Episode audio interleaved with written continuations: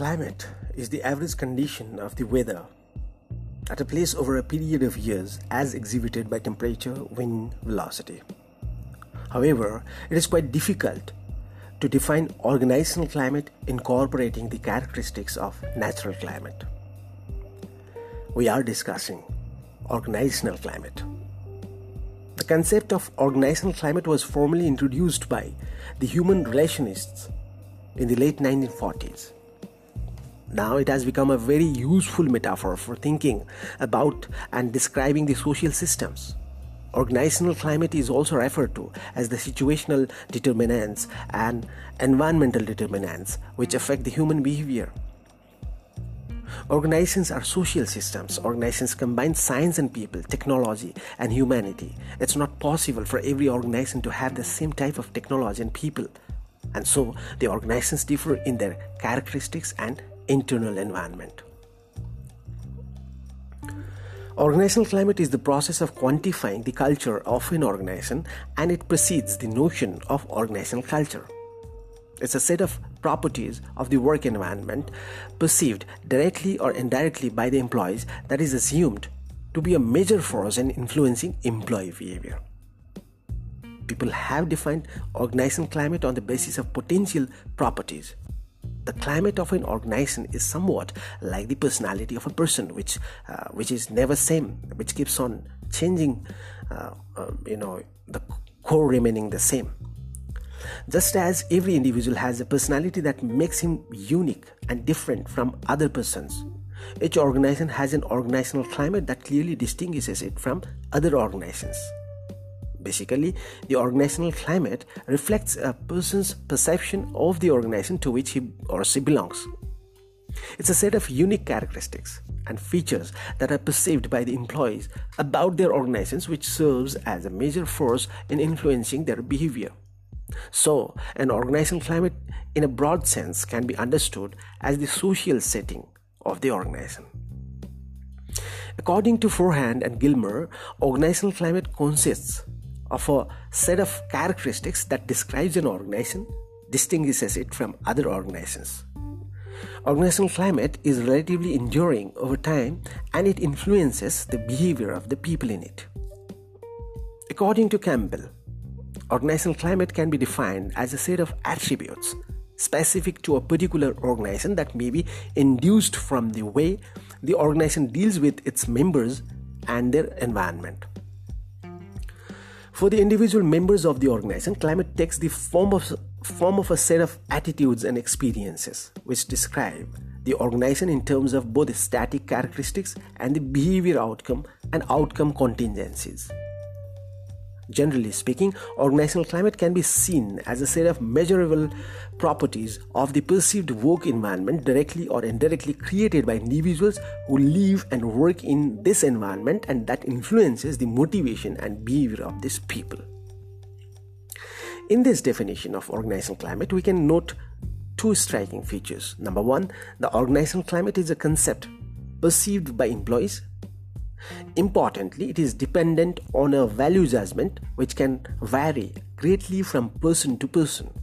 And number two, the organizational climate affects productivity, motivation, and employee behavior. So, organizational climate is a relatively enduring quality of the internal environment that is experienced by its members it influences their behavior and can be described in terms of the value of a particular set of characteristics of the organization. It may be possible to have in as many climates as there are people in the organization when considered collectively. The actions of the individuals become more meaningful for viewing the total impact upon the climate and determining the stability of the work environment. The climate should be viewed from a total system perspective while there may be differences in climates within departments, this will integrate to a certain extent to denote overall organizational climate. Thus, organizational climate is the perceptual environment prevailing in an organization based on which employees do their work.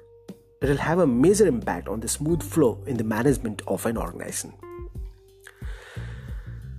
We'll discuss six factors which can affect organizational climate.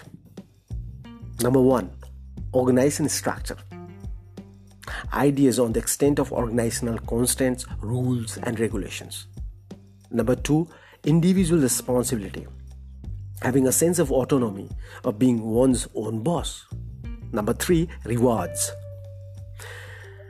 commensurate rewards to recognize performance. Number four, risk and risk taking, the degree of challenge and risk to sustain by the incumbent. Number five, warmth and support, feelings of general good fellowship and helpfulness prevailing in the work settings.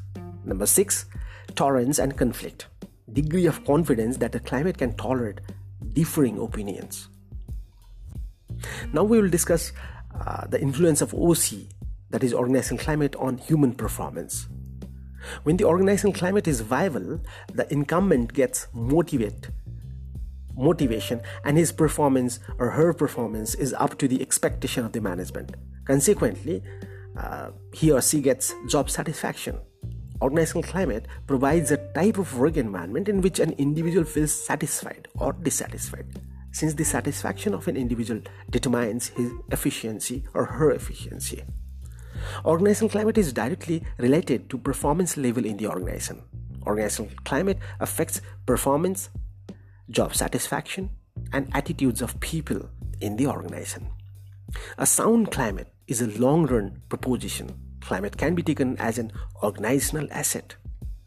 The organizational climate may be one of trust and confidence or one of fear and reprisal. Various organizational climates have different impacts on individual motivation, satisfaction, and attitudes. The climate of an organization derives originally from the philosophy and goals of those who join together to create it. The philosophy and goals of people are implementing by leadership working through the formal and informal organization. Let's conclude our discussion in a nutshell. Organizational climate is a perception of the work environment. Organizational climate is a psychological atmosphere Organizational climate is a quick picture of the relationship between the organization and its employees.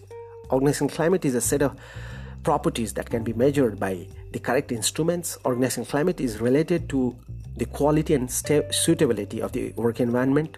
Organizational climate has to do with the support that employees feel they receive from the organization. The organizational climate uh, is a reflection of the degree of employee motivation, organizational climate has positive and negative effects on people's behavior in the workplace. Thank you.